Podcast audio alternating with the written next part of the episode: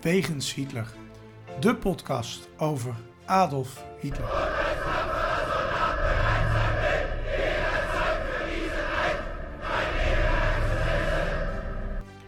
Dictator, alleenheerser van 1933 tot 1945. Een man met miljoenen doden op zijn geweten. Das war ein Befehl! Der Angriff Steiners war ein Befehl! Een man waar ongelooflijk veel verhalen over te vertellen zijn. Ook al die jaren na zijn dood. Herr Adolf Hitler heute Nachmittag in seinem Befehlsstand in der Reichskanzlei bis zum letzten Atemzuge gegen den Bolschewismus kämpfen für Deutschland gefallen ist. In deze podcast gaan Sjoerd en Niels van Andel de wegen van Hitler af. Ze kijken naar bijzondere plekken, naar vroeger, naar nu. En ontdekken samen met de luisteraar het bijzondere verhaal van de Führer van Nazi Duitsland. Een nieuwe week, een nieuwe wegens Hitler. En Sjoerd, het gaat goed met onze podcast, want we breken alle records weer. Ehm, wij komen nog, zoals beloofd, met een extra uitzending een keer, omdat we door de 200.000 heen gegaan zijn. Maar dat wordt even in mei, want jij wil ook op vakantie. Dat is gewoon het eerlijke verhaal. Hè? Ja, ja, schuif de schuld mij maar weer Ja. in de schoenen. Nee, maar wij nemen nu voor een paar weken op, ook omdat we naar Berlijn gaan. Dus wij moeten gewoon even, eh, nadat we naar Berlijn gegaan zijn, ruimte maken voor een extra uitzending. En dat gaan we ook zeker doen, want belofte maakt schuld. Ehm want jullie moeten dus even iets langer op wachten. Een Ehm, soort eh, feesteditie eh, kunnen ja. we maken. Feesten in het Derde Rijk. ja, feesten te in het. Derde Rijk. Ja. Die waren er volop, hè? Daarover gesproken. ehm, wij gaan, eh, even kijken. Afgelopen donderdag appte ik jou nog eh, van harte gefeliciteerd. En hoe, eh, hoe, hoe heb je de dag ingevuld? Ja, ja, het duurde ja. even voordat het viel, hè, maar dat was de verjaardag van Hitler. Ja, die, nee, maar die had, ik, die had ik al door. Er gebeurden allemaal hele duistere dingen op het werk. En zei ik, dat kan maar één reden hebben. Precies. Ehm, maar goed, het gaat goed met de podcast. Mocht je eh, eh, de podcast leuk vinden, blijf ons liken op de socials. Ehm, eh, beoordelingen geven op Apple Podcast of op Spotify met sterretjes. En die serie foto's die een van de luisteraars Ja, stuurt steeds. op hè. Facebook, Hij heeft ja. er weer een hele serie bij gezet. Ik weet niet of ik zijn naam mag noemen. Doet nu nog voorlopig even niet. Nee, maar, dan kan hij er dan onder reageren en dan, dan kunnen we dat de volgende keer wel doen. Ja, dit is heel tof. Want de, de ene naar de andere mooi. Hij is op veel van die plekken volgens mij ook geweest. Heel tof. We krijgen ook vragen of we niet een soort appgroepje kunnen beginnen met mensen die het leuk vinden om dingen erover te delen. Dus daar moeten we maar eens even naar kijken. Ja. We moeten een beetje uitkijken dat we geen foute figuren binnenharken, maar eh, daar kunnen we natuurlijk eh, een soort toelatingsbeleid op laten. Je kunt in, de, in, in Facebook tegenwoordig ook iets met appgroepen. Maar ja, Ja, Facebook is een halve appgroep. Dus ik snap niet helemaal wat de functie is. Maar goed, het zal wel. Nee, maar we moeten maar eens even kijken of misschien kunnen we iets met een. eh, je hebt ook van die apps. WhatsApp gelijk, eh, daar, daar kun je dat ook mee doen. Een soort WhatsApp, maar ja, dan met linkjes werkt dat. Dat is ook prima. Gaan we zeker doen. En mocht je de podcast nou nog meer willen ondersteunen, kun je ook vriend van de show worden. Eh, dat is het platform en daar kun je ons vinden. En voor 15 euro per jaar help je ons de podcast in de lucht te houden. Of 1,50 per maand is net wat je kiest. Ehm, en eh, daar krijg je ook bonuscontent en dat soort zaken. Er staan er al twee online en er komt meer in mei. Dus februari, april lukt het even niet vanwege de vakanties.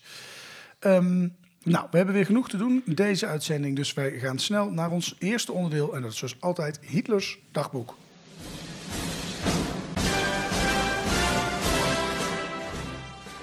Hitlers dagboek. Het leven van Hitler duurde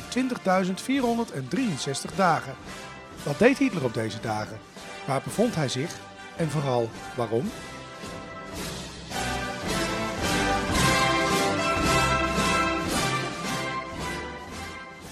Ja, wij zijn bezig met de laatste maand van Adolf Hitlers leven. En vandaag gaan we het hebben over de periode 18 tot en met 24 april. De ene laatste week waarin Adolf Hitler, eigenlijk zijn laatste volledige week zou je ook wel kunnen zeggen, eh, waarin hij heeft geleefd. Ehm, toch even benoemen, even ongegeneerde reclame, is het boek van Sjoerd dat vorig jaar is uitgekomen, Hitlers Bunker. Ehm, en die vertelt in woord en beeld over de laatste tien dagen van Hitlers leven en vooral de vlucht van de mensen die nog in die bunker aanwezig waren. Eh, zeker de moeite waard om te lezen. En ik denk als wij naar Berlijn gaan dat we ook een deel van die vlucht gewoon eh, gaan bekijken. Ja, Eh, ja dat waren we in ieder geval van plan. Je weet nooit wat er gebeurt Je weet natuurlijk. nooit, maar, nee, eh, nee, maar nee, ja, de vlucht uit Hitler, Hitlers bunker, ja, dat is de Ja, hele dus die gaan wij gedeeltelijk nadoen en ik, ik zie er tegen op. Nee, wordt hartstikke leuk. Wij gaan naar de eerste dag, woensdag 18 april. Ja, woensdag 18 april. De, de, de, laatste Duitse troepen die in het Roergebied die geven zich over eh, op dat moment. Hebben de vorige keer ging het daar nog even over. Van tien over vijf tot vijf voor zes middags wandelt Hitler nog even over zijn terras in de tuin. En er zijn ook weer allerlei militaire briefings zoals elke dag. En s'nachts vinden die ook plaats. Niet iets speciaals over deze dag. Eh, negen- eh, nee, eh, ne- 19 april, de donderdag. De, de volgende dag alweer. Eh, de Duitse ring rond Berlijn wordt op twee plekken doorbroken. In het noorden zijn Sovjet-soldaten nog maar 30 kilometer van Berlijn verwijderd. En Goebbels die noemt Hitler in een ra- radio-uitzending de man van de eeuw. En dat doet hij niet voor niks, want hij eh, is de volgende dag jarig namelijk. Het is de volgende dag de 20ste.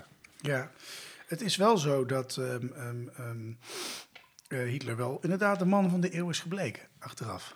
Sterker nog, ik denk dat mensen over 100 jaar hem nog herinneren. Ja, dat denk ik ook wel. Ja. Ja. Ja. ik weet niet of dat in dezelfde eh, vererende, op dezelfde vererende manier is als Goebbels, maar goed. Nee, eh, dat, dat, dat, nou ja, dat hoop ik niet. Maar dat zullen wij Nee. dan niet meemaken over Nee, 100 nee, jaar. Maar wie is- weet de opvolgers van deze podcast dat ze dat kunnen doen.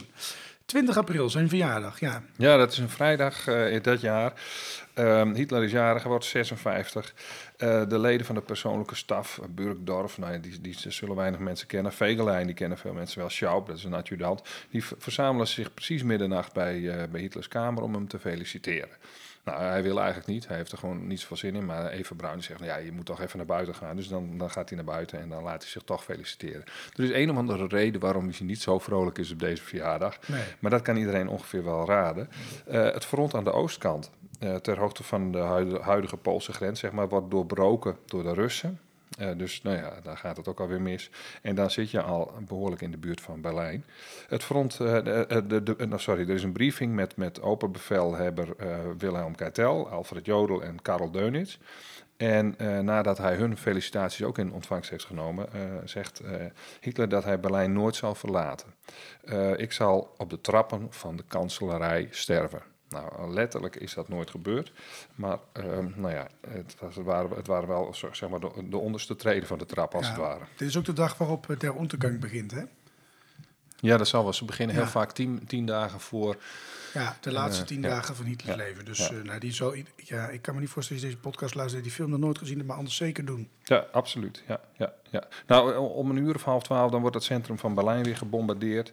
En om vijf uur inspecteert, Hitler, dat is een heel bekend gegeven, leden van de 10e SS Panzerdivisie eh Vroensberg en 20 jongens van de Hitlerjugend in de tuin van de kanselarij. Daar is ook iets met die foto's en die kloppen niet helemaal. Dat is dan vaak eerder gebeurd. En, eh, maar dit, dit vindt wel plaats. En dan komt er een hele zooi, eh, eh, een hele zooi bekenden komen dan lang. Göring, Goebbels, Speer, Himmler, Axman van de Hitlerjugend. eh, von Ribbentrop, eh, buiten, minister van Buitenlandse Zaken. Martin Bormann, zijn adjudant, zijn privé-adjudant. Die komen hem allemaal feliciteren. Dus eh, dat vindt toch nog wel plaats. Göring die vertrekt dan naar de Ober-Salzberg. Die eh, denkt van ja, ik eh, blijf hier niet. En ook Speer en Himmler die gaan er vandoor. Alleen Speer komt dan nog een paar dagen en komt hij nog terug. Nou, de bombardementen gaan die dag de hele dag door. Een soort feestbombardement, verjaardagsbombardement, eh, stel ik me zo voor. En tot eh, 23 april worden de vluchten naar het zuiden van het land gemaakt om medewerkers en familie weg te brengen. En eerder zagen we dat eh dokter Brandt nog gearresteerd werd omdat hij zijn familie eh, liet wegkomen. En nu ja, vluchten er een heleboel mensen met Guy Hitlers eh, goedkeuring. Ja, Ehm eh, daar zijn we nog niet aan het einde. Hè. We komen dan op 21 april, de zaterdag. Eh, is het rustig? Nou ja, de, de, de artillerie begint nu het terrein van de kanselarij ook te beschieten. En eh, om half tien in de ochtend wordt Hitler dan ook wakker van, eh, van, van, van de ontploffingen. Eh, hij belt dan de stafchef van de luchtmacht. Dat, is een, ja, dat, dat is ook, komt in verschillende bronnen voor. Karel Koller is dat. Die zit zeg maar onder, onder Geuring. ehm, met de boodschap dat hij de betreffende Sovjet-batterij... Die, de, degene die op, op, op de kanselarij schieten... dat hij die direct aan moet vallen met vliegtuigen. Maar ja, Koller die kan eigenlijk eh, niet helpen. Er zijn communicatieproblemen. Eh, Hitler die belt later dan nog terug waarom de vliegtuigen uit Praag niet ingezet kunnen worden. Maar die kunnen helemaal de, de, de, hangars niet uit, want dan, dan worden ze eigenlijk direct aangevallen door eh, vliegtuigen van de geallieerden die in de lucht zijn. Dus hij kan geen kant op. En Hitler wordt hartstikke kwaad en die dreigt dan de, de, de, de luchtmachtleiding op te hangen. Nou ja, hij kan nergens bij. Hij kan wel het bevel geven, maar daar blijft het meestal nog bij. Nou, eh, s'nachts neemt Hitler afscheid van zijn secretaresses. Ja. Ehm, volgens mij is dit ook een bekende scène, hè, dat, eh, dat de luchtmacht niks meer kan doen. Het trieste is wel dat die Duitsers hadden vliegtuigen zat, maar ze konden er niet meer. eh, Nee, nou, lucht zoals in. daar konden... Nee, En ook ja. geen brandstof was vaak ook een probleem. Hè? Ja, en dat was ook slecht, slecht geregeld. Ja. Ja. ja. Ja. Nou, zondag, de zondagsrust, hielden ze dat wel een beetje in ere? Eh, ja, ik denk dat de, ze- zeker de, de Sovjets zullen daar eh, weinig rekening mee gehouden eh, hebben. Die bereiken Zelendorf en Lichtersveld en dat zijn eigenlijk nu, nu buitenwijken van Berlijn. Dat is echt de rand van, eh, van het huidige Berlijn. Het oppercommando van het leger trekt dan naar het westen. Dat gaat wel weg. Eh, die, die trekken richting Potsdam om eh, regie te kunnen houden. Want als ze daar in die bunker blijven, dan kunnen ze net als Hitler eigenlijk niet meer communiceren. En kunnen ze hun troepen ook niet bevelen geven. Dus die gaan er, die gaan er vandoor. En die, die trekken dan uiteindelijk steeds verder richting de corridor naar, naar Denemarken. Nou, Hitler scheldt op deze dag eh, zijn stafchef eh Koller alweer de huid vol. alhoewel hij nauwelijks meer iets kan doen. En dit is ook de historische dag waarop, eh, waarop Hitler toegeeft dat de oorlog verloren is. Dat is voor het eerst. Dat had hij nog nooit zo letterlijk gedaan. Hij weigert nog steeds de stad te verlaten. en in plaats van dan, daarvan jaagt hij zichzelf liever een kogel door de kop, roept hij. Ehm, nou ja, hij geeft eh, de order aan zijn persoonlijke, eh, aan, zijn, aan zijn adjudant om zijn persoonlijke papieren in Berlijn, München en in Berchtesgaden allemaal te vernietigen. En die adjudant, die heet Schaub, die, die, die doet dat dan ook. Eh, die vertrekt eigenlijk direct. Nou, Hitler zou wel hebben gezegd dat de vernietiging van kunstschatten verboden was. Want hij hield wel van een mooi schilderijtje hier en daar. Nou, eh, na een bespreking met geld, eh, generaal-veldmaarschalk Schöner ontslaat Hitler zijn lijfarts Morel. En die huilt dan bittere tranen. ja, 23 april.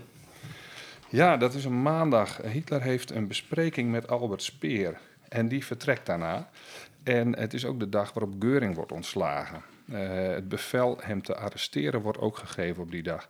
Dat is het gevolg van een telegram van Geuring met de vraag of Hitler nog wel in staat is leiding te geven.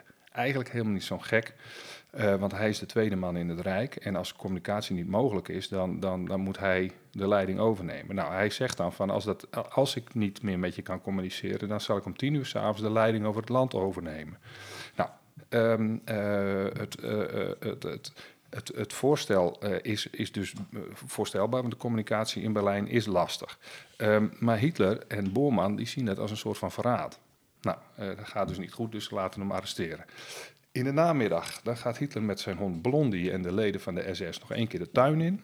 En op deze dag worden ook de laatste twee foto's van Hitler gemaakt. Eh, Hitler verlaat zijn onderste bunker en gaat dan door de voorbunker naar zijn privéwoning in de oude kanselarij. En er zijn ook dingen kapot geschoten en daar zijn wat foto's van. Ehm, eh, dat is trouwens niet de nieuwe kanselarij, is het oude gedeelte. En die nieuwe kanselarij staat er om de hoek. Eh, daarna gaat hij de bunker weer in en daar zal hij eigenlijk nooit meer levend uitkomen. Magda Goebbels die komt aan de bunker in met haar zes ki- kinderen. En daarvoor geldt eigenlijk hetzelfde. Ja. Dan gaan we naar de laatste dag van deze ehm, ehm, eh, Hitlers dagboek en dat is 24 april. Ja, het is dinsdag. De kanselarij wordt on- onophoudelijk beschoten. De, vliegvelden zijn niet meer te bereiken, ook in de stad dus niet. Dus de mensen die vluchten eh, met auto's naar Tempelhof of naar andere vliegvelden, die kunnen niet meer weg. Eh, communicatie met de buitenwereld wordt steeds lastiger. Eh, het opperbevel trekt nog verder van Berlijn naar het noordwesten. Generaal Weidling die wordt commandant van de stad, van Berlijn. Eh, medewerkers van Hitler krijgen blauwzuurpillen op deze dag om zelfmoord mee te plegen als het momen- moment daar is. En Speer komt nog een keer langs. Ehm, om zeven uur wordt Geuring dan daadwerkelijk op de Obersalzberg gearresteerd. Dat vindt ook op deze dag plaats. En Hitler, wat doet hij? Nou, die speelt eigenlijk op deze dag heel lang met de jonkies van zijn hond Blondie. Ja. En daarmee komen we het einde van deze week van de grootste hond van allemaal. De plek. Bijzondere plekken of verhalen die te maken hebben met Hitler. Ja, de plek. We gaan dit keer naar Wolfsburg. Dat ligt in Noord-Duitsland. En dat is de stad des KDF, KDF-wagens. Ehm Kracht durch Freude, dat was die werkgemeenschap. We hebben het er eens eerder over gehad. Hè? Met, die, met die hotels, geloof ik, hè? hebben we Ja. daar ehm, ehm, Ja. over gehad. Ja, Prora en zo bijvoorbeeld. Maar Ja. die hadden natuurlijk overal hadden die, eh, het soort, soort ver- vervanger van, eh, van vakbonden. En als je die onder, onder je controle hebt, dan heeft de vak, vakbond zeg maar, ja, wel betekenis voor een leuke reisje, maar niet eh, qua onderhandelingspartner. Nee, nee zeker niet. Uh, en is de plek waar nu de Volkswagen-fabrieken staan. Ja, de kwestie die wij willen gaan bespreken um, met deze locatie is van wie was nou het idee van de Volkswagen Kever van Hitler? Of was dat nou niet het idee van Hitler, de auto voor iedereen? Uh, er is ook eens een boekje van verschenen. Uh, Philip Schippeloort schreef daar dus in 2014 een interessant boek over. En er verschenen ook verschillende artikelen over. Paul heette die, hè? Sorry, zei ik iets anders? Je zei Philip, maar dat geeft niet. Ik, ik corrigeer dat. dat oh, dat heb ik echt, uh, verzin ik zo. Ja. Sorry, Paul Schippel, Schilperoord, zal ik het even goed zeggen. Neem me niet kwalijk. Paul, als je luistert, het spijt me. En het tv-documentaire is er ook nog van geweest. Um, en er zijn er maar liefst 21,5 miljoen van verkocht. Ja, van die kever, ja, toch? Ja, zeker, van die kever. Ja. Dat ding is geloof ik tot 1970 uiteindelijk geproduceerd of zo. Hè? Dat is echt, uh... Ja, en dan later heb je nog een tweede editie heb je gehad. je hebt de Beetle, is er nog? Ja, maar die wordt ook niet meer geproduceerd. Die hebben later in Zuid-Amerika hebben ze die nog een tijdje ja. gedaan. Nou ja, goed, het is uh, in ieder geval zo dat die, die Volkswagen gigantisch lang heeft gereden. Het was een, uh, voor die tijd een fantastisch modern wagentje. Um, nou, de, geschiedenis van auto's kunnen we helemaal bespreken, maar uh, vroeger waren die kringen heel duur. En op een gegeven moment dacht Henry Ford, dat was een van de eerste die bedacht van... hé, hey, als ik nou gewoon een auto maak die mijn werknemers ook zouden kunnen kopen... dan kan ik er veel meer verkopen, joh. Nou, gigantisch goed idee. En uh, nou, toen kreeg je dat hele gedoe. Um, voor die hele auto was genoeg aandacht in ieder geval in die tijd. Uh, het is alweer even geleden, maar het leek ons toch een mooi onderwerp voor deze podcast. Um, er wordt ook wel beweerd dat de Volkswagen een van de goede dingen was die Hitler deed. Of in ieder geval een van de dingen die Hitler had bedacht. Nou, als je meer wil weten van de ideeën die erover zijn, luister een aflevering wat geleden. Hitlers goede daden. Um, um, um, de vraag die we ons dan eigenlijk wel moeten stellen, als je het aan Hitler wil geven, was het die auto wel het idee van Hitler? Mm -hmm. en we hebben deze suggestieve vraag maar eens ingetypt op Google. Welke auto heeft Hitler ontworpen? En het antwoord was, in 1938 werd de nu wereldberoemde Volkswagen Kever geïntroduceerd. Adolf Hitler zou de auto hebben geschetst en Ferdinand Porsche zou de auto hebben ontworpen.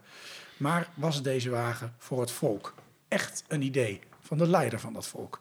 Die vraag gaan wij beantwoorden. Ja, Sjoerd, jij zit op het puntje van je stoel, ik zie het aan je. Nee, ja, jij zegt, zegt het zelf eigenlijk al. Hè? Uh, er was iemand was hem voor. Dus de, de, auto van het volk, die is toch eigenlijk bedacht door, uh, door, door, Ford. Die ook niet zo'n uh, zo'n hele linkse jongen was, laten we het zo maar zeggen. Um, de T-Ford was dat. Ja, en, die, en dat was gewoon een goedkope auto. Een lopende bandwerk, dat is natuurlijk ook handig. Ehm, maar ook het concrete idee... Uh, van, die, van die Volkswagen Kever is niet het idee van, van Adolf Hitler. Dat laat Paul Schilperoort dus in zijn boek ook zien. Um, dat is een Joodse uh, ingenieur, ingenieur uh, Jozef Gans, die, die achter dat idee zat, ja. eigenlijk. E-, even een stapje terug. Je hebt het over de lopende band. Hè? Dat, dat is in Amerika eigenlijk min of meer bedacht, mag ik misschien wel zeggen. Ik word ongetwijfeld weer gecorrigeerd op Instagram van de week. Maar um, daar hebben die Amerikanen gigantisch veel aan gehad. Hè. Die konden fantastisch snel produceren daardoor ook. In die Ford-fabrieken werden op een gegeven moment die enorme bommenwerpers gebouwd. één per dag. Nou, dat kon je, kon je niet voorstellen, uh, jaren daarvoor, zeg maar. Nee. Dus um, nou, misschien ook wel leuk om even in perspectief van die hele ja, ondervoering ja. dat uh, te benoemen. Um, nou, jij noemt die Joodse ingenieur dus. Nou, dat moet Hitler bijna pijn gedaan hebben, Jozef Kans. Uh, dat hij daarachter heeft gezeten. Um, um, maar wat bedacht hij dan precies? Uh, was dat dan echt letterlijk die kever die wij nu kennen? Ja, nou ja, hij lijkt er in bepaalde versies wel heel erg op. Uh, in, in de jaren twintig had hij al een, een soort, ja, dat noemde hij de Gans Klein wagen. Dat is een uh, nogal, nogal kleine auto. Oh, ik, ik zou Gans Klein. Ja, ik, nee, ja. ja, maar goed, bijna ja. geen auto. Nee, nou, het kan ook nog, ja. ja. Het is een hele kleine auto met een middenmotor. En dat is zeg maar een, een motor die, die vlak voor de as ligt vaak in sportwagens gebruikt. Eh, motoren liggen vaak voorin, maar goed, dit was een, middenmotor. En met vier onafhankelijk verende wielen. Uh, en nog maar drie zitplaatsen. En eigenlijk moet je die, dat ontwerp moet je een beetje onthouden als, als uh, uniek voor die tijd. Uh, want nou ja, dat ga je dan terugzien. En het doel was dus ook hier van Gans om voor iedereen betaalbare auto op de markt te brengen. Een soort van Volkswagen. Um, dus, en nou ja, wat, wat, wat Hort, uh, Ford uh, gedaan had en Hitler dus wilde, dat ontwierp Gans. Ja, Nou, ehm, is het niet eh, erg handig, ehm, ehm, als je iets geheim wilt houden, dat je daar uitgebreid over gaat lopen publiceren. Maar dat schijnt hij wel gedaan te hebben. Ja, en ik, ik weet niet zo goed hoe dat zit in die tijd. Eh, maar dat deed hij volop. Er waren allerlei motorbladen en autobladen en daar publiceerde hij voor. Ehm, eh, en en, en, ja, hij, hij gaf daarbij kritiek op de autowereld van toen. En blijkbaar eh, deed hij het ook in de openbaarheid. Er zaten ook schetsjes bij en er zaten nou ja, allemaal eh, ideeën. Eh, eh, hij wilde gewoon die, die, met wilde ideeën en, en vernieuwende ideeën wilde die, die, die autowereld een beetje, een beetje opschudden. En eh, nou ja, al die techniek was dus in feite voor het grijpen. Nou, eh, hij leidde dat blad in 1929 tot het steeds populairder eh, wordende blad een nieuwe naam kreeg. En dat was Motorkritiek, ging dat dan heten. Nou, dat is dan letterlijk wat hij, wat hij aan het doen was. Eh, daarvoor heette het Klein Motorsport of zo. Maar dat leverde hem ook vijanden op. En, ehm, en hij was best wel kritisch op de bestaande bedrijven. Die waren, die waren echt gewoon ouderwets en die, die bedachten niks nieuws. En dat leidde ook tot rechtszaken. Ja.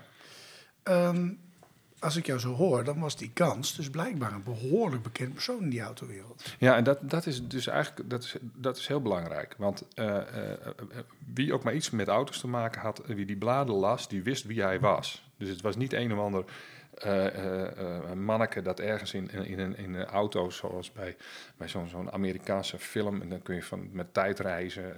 eh, dat is zo'n mannetje die maakt dan stiekem zo'n auto. Nee, iedereen wist het, wist, kende zijn ideeën. Tenminste, als je verstand had van auto's. Ja. Daarmee zie je wel dat zijn primaire rol dan meer journalist begint te worden. Ja. Uiteindelijk moet hij toch weer terug die andere hoek in. Ja, ja, hij, en ja, hij had zich natuurlijk wel, wel met ontwerpen bezig gehouden altijd. Maar in 1909 eh, 1930 dan gaat hij toch bij een motorfabriek in Nuremberg eh, gaat hij werken aan een prototype. En dat is, eh, ja, dat is een interessant onderwerp, ontwerp. Kijk, ik ben ook geen autokenner hoor. Ik, ik ben altijd blij als ik erin pas. En dan... eh, dan En je hem eh, niet in de prak rijdt. Nee, oh, wacht even. Nee, dit moet ik corrigeren. Dat een ander mij niet in de prak rijdt. ja, ik, bedoel, nee, ja. ik reed gewoon op mijn eigen helft. Ja, dat is waar. Dat is En er waar. kwam ineens een, een, een Land Rover. Nee, wat was dat voor kleren ding? Ik zie Nou, hij reed je in ieder geval aan, maar eh, goed. eh, Zo. Ja, goed. ik wil je verder niet storen in je verhaal, sorry. Nou, ik raak helemaal van ap- apropos eh, nieuws. Ja, ik stel voor dat je deze podcast Ik zie het weer helemaal voor me. Ja, oh, goed. Ehm, hij gaat dus bij die motorfabriek in Nuremberg werken aan aan een prototype. En dat is dus dat interessante ontwerp wat ik zei. Ehm, eh, eh, daar zit een ruggengraatchassis in. Eh, nou ja, goed, dat, dat is dus blijkbaar dat, dat, eh, dat, eh, eh, nou ja, de boel aan elkaar verbonden is eh, eh, onderop. Eh, dus die middenmotor zit erop. Er zit erin eh, onafhankelijke wielvering, een kegel, eh, of een- echt zo'n kevervormig ontwerp. Dus je ziet echt de vorm van de kever erin. En eh, nou ja, dat zijn wel de dingen die, die Hitlers kever ook had. Nou, daarnaast gaat hij werken als, dat, dat vind ik dus ook weer heel vreemd. Hij gaat ook werken als technisch adviseur bij BMW, bij Daimler-Benz, van, van Mercedes zeg maar. En Adler, dat was ook een, een autofabrikant. En die Adler, die hadden ook een keverachtig model. Dat was niet voor niks trouwens, maar goed. eh, dat kon blijkbaar gewoon. ja, nou, nu kun je nog niet eens bij de twee dezelfde supermarkten werken, want dan is dat concurrentievervalsing. Ja, en tegelijkertijd, als je op, op straat kijkt, dan hebben ze dus weer nieuwe auto's. Tegenwoordig hebben die, al die auto's hebben zo'n hoog front. Ja, heeft dat ook wel En te dat- maken met dat heel veel automerken in één groep zitten? Hè? Dus Peugeot is geloof ik met Opel en Ja. Duitse Opel, hè? dat is gewoon een. Frans bedrijf tegenwoordig. Ehm, ehm, ehm, dan zie je dat die auto, zeg maar die 208 bijvoorbeeld, lijkt heel erg op de Corsa van.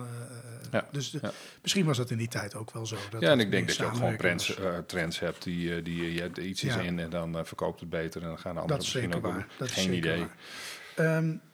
in 1930 heeft hij dus eigenlijk, als ik jou zo hoor, die kever al bedacht. En kan Porsche het op zijn buik schrijven dat hij dat Ja, bedacht. eh, Porsche die heeft helemaal niks bedacht. Die, eh, die, eh, die, eh, dat was alleen een vriend van Hitler. Dat moet je ook altijd zeggen als je mensen in een Porsche voorbij ziet, eh, ziet rijden.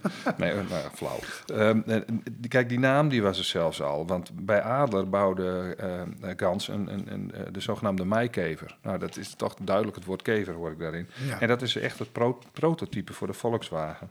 Dus die bijnaam komt bij hem vandaan, het ontwerp komt bij hem vandaan, het, de, de vorm komt bij hem vandaan. Eh, hij zei dat hij die auto binnen twee jaar zou kunnen leveren. En deze variant die had trouwens eh, bij Adler had, had, had vier zitplaatsen, was goedkoop en reed 80 km per uur. Ja, voor die tijd een fantastisch hoge snelheid. Ja, en ik heb ook foto's ervan gezien en dat is echt gewoon een kever. Ja. Ontketende hij daarmee niet als gevolg van hè, al, die autobedrijven waar hij aan het werk was, niet een soort wagenwedloop? Ja, dat is een, een leuke wo- woordspeling Ja, ik inderdaad. vind hem ook leuk bedacht op Ja, mezelf. ja. Eh, eh, nou goed, daar, liep hij, daar hielp hij eh, inderdaad zelf, zelf aan mee. Hij, voor, voor Daimler-Benz, ja, die had bijvoorbeeld ook zo'n ruggengraatchassis. en die had ook een vierpersoonsauto. Ook voor de buitenlandse bedrijven deed hij dingen. Voor Sundap en Porsche, die, die, gaan ook, zeg maar, die gaan ook de kant van Gans op. Want zijn plannen, plannen waren sowieso openbaar.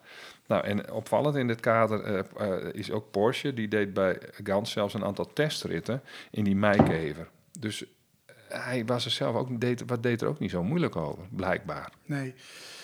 Uiteindelijk ehm, moet Gans in die concurrentiestrijd overeind zien te blijven. Hoe doet hij dat? Ja, dat was wel, wel lastig volgens mij, want eh, er, was wel sprake van, van sabotage bij, eh, bij, bij Adler, een bedrijfsspionage. Eh, er was kritiek op Gans in de andere pers. Het- nou ja, zijn eigen blad natuurlijk niet, maar een andere pers wel. Ze maakten het hem echt niet gemakkelijk. Zijn, eh, zijn afkomst werd daarbij zelfs eh, genoemd. Hij had natuurlijk zelf ook heel veel kritiek. Maar hem dan eh, uit te maken voor Joods ongedierte, terwijl hij gewoon een goed idee heeft. Dat is niet chic. Nee, het past wel in de tijd. Hitler was nog niet aan de macht trouwens toen, maar dat, maar dat, ja, dat antisemitisme was dus blijkbaar aardig genormaliseerd. Hè. Ehm, eh, er werd ook gezegd dat Gans de industrie afperste. En hij moest daar, men moest daar wel excuses voor aanbieden en dat rectificeren, want dat klopte niet. Ja. Nu is die Gans, jij noemt het al even, Joods ongedierte.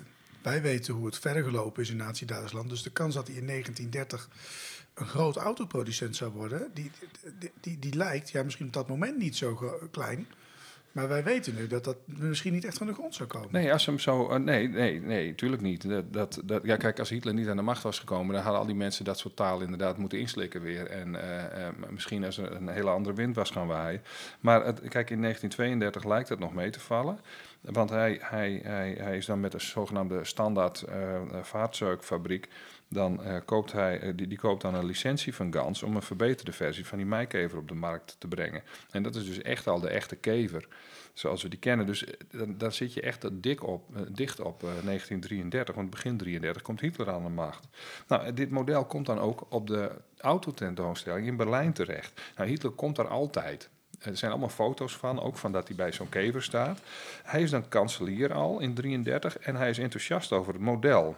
Maar dan is het mei 1933 en dan wordt Gans opgepakt door de Gestapo. Dus het is eigenlijk meteen al raak. Ja, En daar ligt er, dat komt omdat er een valse aanklacht van afpersing ligt. En dat, dat is, die komt van een oud collega van motorkritiek. Ik weet niet wat er heeft voorgevallen, of het jaloezie was of wat dan ook.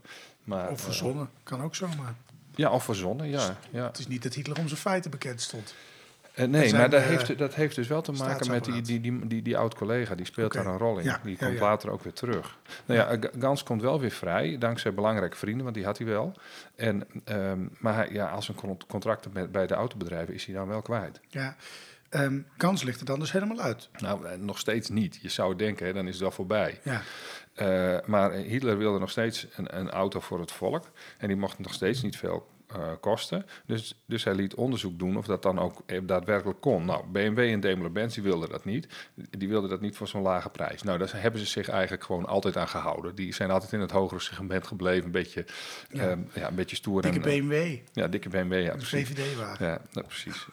En nou ja, goed. eh, men, men, men, men, zocht wel iemand die dat dus, dus wel iemand die dat wilde doen. Ehm, en, en, en tests toonden ook aan dat Gans versie van die, van die, eh, voor die standaardfabriek, en dat die wel goed was. Dus ehm, nou ja, toen ehm, stelde eh Standaard in 1934 dus weer een nieuwe versie van de kever tentoon op de nieuwe eh, jaarlijkse autotentoonstelling. En toen deed Hitler ook allerlei uitspraken eh, tijdens de opening. Hij wilde dat autoproducenten nadachten over een Duitse Volkswagen voor maximaal 1000 Rijksmark. Dat was wel heel goedkoop. Maar goed, eh, dat wilden de bekende bedrijven dus niet. En voor de uitwerking daarvan koos Hitler niet voor Gans, maar voor Ferdinand Porsche. Ja, en misschien is het natuurlijk wel te begrijpen, want een Jood die achter een Volkswagen zat, ja, daar kon Hitler natuurlijk niet verkopen. Nee, en de oplossing was simpel. Eh, je- je- je- een publicatieverbod voor Jozef Gans, die altijd in de pers stond als, als auto, auto, eh, man die alles, alles wist en goede ideeën had. Maar ook stukken over hem mochten niet meer. Dus ook geen roddels, helemaal niks. Nou, dat is, dan verdwijn je dus geruisloos uit de pers. Dan ben je weg. Ja.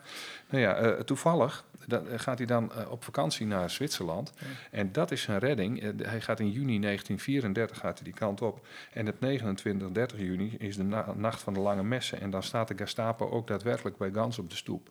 Alle vijanden gaan eraan, alle mensen met ideeën die worden afgepakt, die, die redden dat ook niet. Um, hij wordt dan wel gewaarschuwd voor, door vrienden van je moet niet terugkomen. Dat doet hij dan wel. Dat is natuurlijk, ik, ik vind het idioot, maar hij wil bepaalde papieren hebben uh, die over die auto gaan. En dan komt hij weer terug naar Zwitserland, daar is hij veilig. En krijgt daar zelfs steun van de staat en ontwikkelt daar ook weer prototypes van een soort, van een soort Volkswagen. Ja, um, wij weten nu dat er uiteindelijk geen Volkswagen ontwikkeld is in Zwitserland. Um, dat gebeurde eigenlijk pas na de oorlog in Duitsland weer. Ja, ja, Hitlers eigen Volkswagen werd, werd trouwens in, in, in zijn tijd helemaal inderdaad niet gerealiseerd. Uh, uh, en, en in, in die stad des KDF-wagens, uh, voor Wolfsburg van nu, uh, uh, dat is ook zo'n mooi verhaal met die naam. Maar goed, uh, misschien wil je dat niet weten. Ja, dan moet ik het toch vertellen, hè, als ik er toch over begin. Ja, nou, oh, je ja. wilde nu dat ik zeg, ja, Stuart, vertel. Nee, ja, ja, dat had je kunnen doen. Maar ik, ik, ik denk van, nou zal ik er maar overheen lullen. Maar nee, het, het, het, het, het, Wolfsburg is natuurlijk ook een, een, een, een, een, een, een, een ja, naam die eigenlijk, als je erover nadenkt, op, op, op Hitler lijkt. Want zijn bijnaam was Wolf. Mm -hmm. Hele goede vrienden, die noemden hem wel Wolf. Um, en de Amerikanen die vonden die, die, die naam Stad des KDF-wagens sowieso een lelijke naam voor een stad. Um, die vonden dat ook te veel refereren aan Hitler. Dus hebben ze gezegd van nou, daar, daar, daar lag een burcht en dat was de Wolfsburg. Nou, daar maken we de Wolfsburg van. Maar ja, Wolf was dus natuurlijk ook, ja. gaat ook van alles met Hitler te maken. Goed, dat was een zijpad. Uh, in, die, in die stad, uh, Wolfsburg dus, werden uh, wel terreinwagens, kubelwagen, amfibievoertuigen en een vierwiel aangedreven variant op basis van die Kubelwagen was eigenlijk een leling even zonder dak, toch? Of ja. een Kubelwagen was eigenlijk een zo moet ik het zeggen, Volkswagen Keven zonder dak. Ja, de, ja die, werden, die werden dan, dat was ook op basis van de ideeën van Gans, die werden daar wel ontwikkeld voor het leger, maar nooit de Kever. En, en die kwam pas na de, na de, na de oorlog. Uh, ook weer op, die, op basis van die ideeën van Gans dan, ja. natuurlijk. Uh, Gans, die zat in Zwitserland. Hoe ging het met hem na de oorlog? Ja, nou ja, het, het, project in Zwitserland met die, die kever, die, dat liep wel vast. En uh, uh, men beweerde daar dat ze het idee volledig hadden moeten aanpassen ook. Dus dat, dat ging ook helemaal niet soepel. Uh, want ze wilden dat Kans er geen aanspraak op kon maken. En, en dan wordt er ook maar een klein aantal wagens geproduceerd. In een soort voorserie van een paar tientallen en zo. En dan, dan, dan bloedt het weer dood. En dan blijft hij testen en testen. Um, en dan gaat in de, in de Volkswagen-fabriek gaat dus eigenlijk wel met die productie van de kever starten. Uh, wel weer in dat voorlogse model, daar hadden we het al over gehad. Uh, Gans zelf die bleef dan wel ook bezig met een nieuwe versie. Hij had ook contacten in Italië, had contacten in Frankrijk. En uh, daarnaast kwam hij bijvoorbeeld met ideeën. Hij was altijd technisch bezig met voor een ophangsysteem voor skis op een bobslee. Waarmee dan vervolgens het Zwitserse team meteen goud haalt tijdens de Olympische Spelen. Dus nou ja, dat is ook een beetje zijn goud natuurlijk. En vervolgens zijn er allemaal rechtszaken. Uh, waarbij ook, hij ook de man weer tegenkomt die hem onder andere had gezegd dat hij die, die, die afperser was, die oud-collega van hem. Um, nou ja, dat, dat soort uitspreken deed die, die man die, voor de rechter alweer. Dus hij kwam, nou ja, dan kwam het hetzelfde riedeltje kwam weer op. Um, nou, er loopt overal lopen er weg, uh, rechtszaken. In Zwitserland, in Duitsland. En die gingen over Gans verlies van inkomsten, zijn aanspraak op patenten en weet ik veel wat. Er speelde van alles. Um, eerherstel, nou ja, dat krijgt hij eigenlijk nauwelijks. Um, uh, positieve resultaten voor Gans komen er ook niet, ook financieel niet echt. Uh, het gek is dat hij Ferdinand Porsche nog wel een keer ontmoet. En daar zegt hij zelf van dat het eigenlijk een, een vriendelijk gesprek was. Er was niks mis mee, ze hebben lekker zitten keuvelen. Um, over auto's waarschijnlijk. En dan vertrekt hij uiteindelijk naar Australië, waar hij werkt voor General Motors. En doet hij weer van alles op technisch gebied. Uh, er komen wel weer rechtszaken. En Gans krijgt uiteindelijk ook wel wat erkenning voor zijn bijdrage aan de Volkswagen Kever. Maar dat was niet veel meer dan een erkenning op papier. En nou ja, dan sterft hij op een gegeven moment in 1967.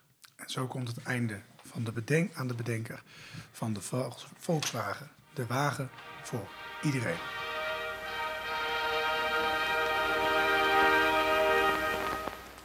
het Nazi-journaal. Bijna dagelijks is er nog wel iets te vinden over Hitler. Hij is in het nieuws, er is een stuk in de krant, een tweet, een interview of een nieuw boek. We bespreken het in het Nazi-journaal.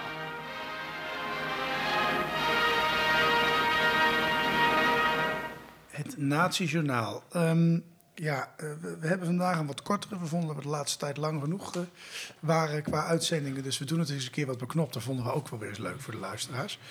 Um, bij de NOS stond een berichtje um, over uh, de herdenking van de overdracht van kamp Amersfoort.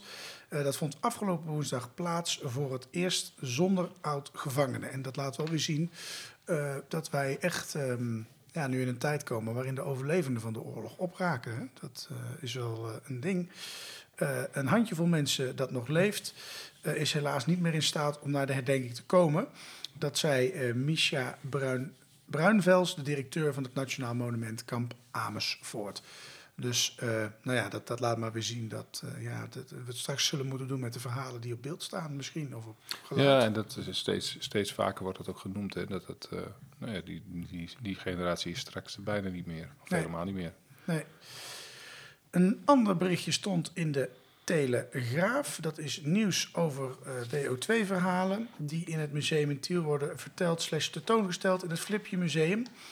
Uh, het Streekmuseum over geschiedenis van Tiel en de Betuwe en dus ook over de oorlog. Op de website van het museum lezen we dat het verhaal wordt verteld van Tiel als frontstad en over de wederopbouw na de oorlog. Heel interessant.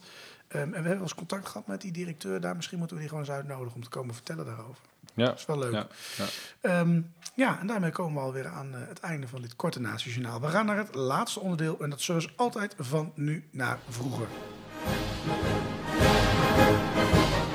Van nu naar vroeger. Wat speelt er nu in ons nieuws en hoe zat dat in de tijd van Hitler?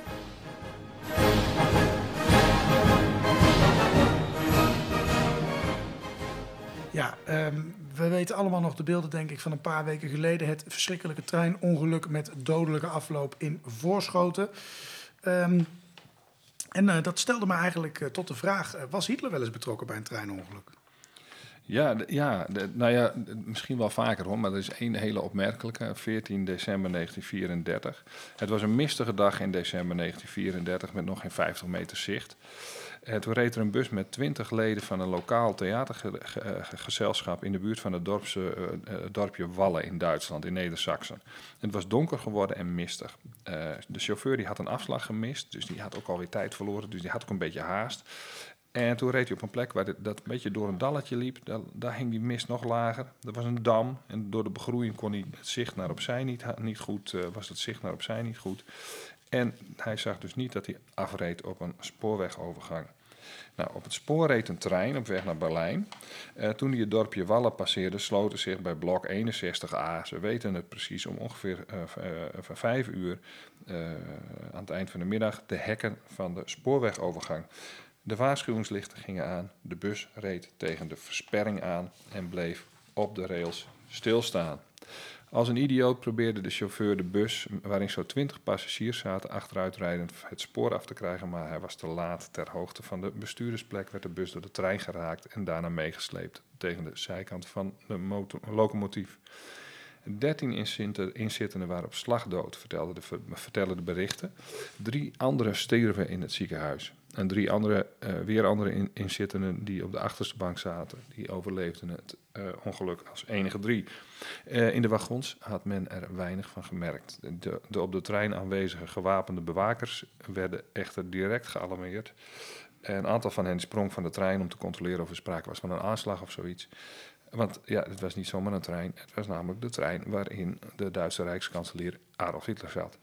Uh, erg beschadigd was de trein niet en toen de kust veilig bleek, werd de, baan snel vrijgemaakt. Zonder dat Hitler poolshoogte had genomen, reed hij ook verder naar Berlijn.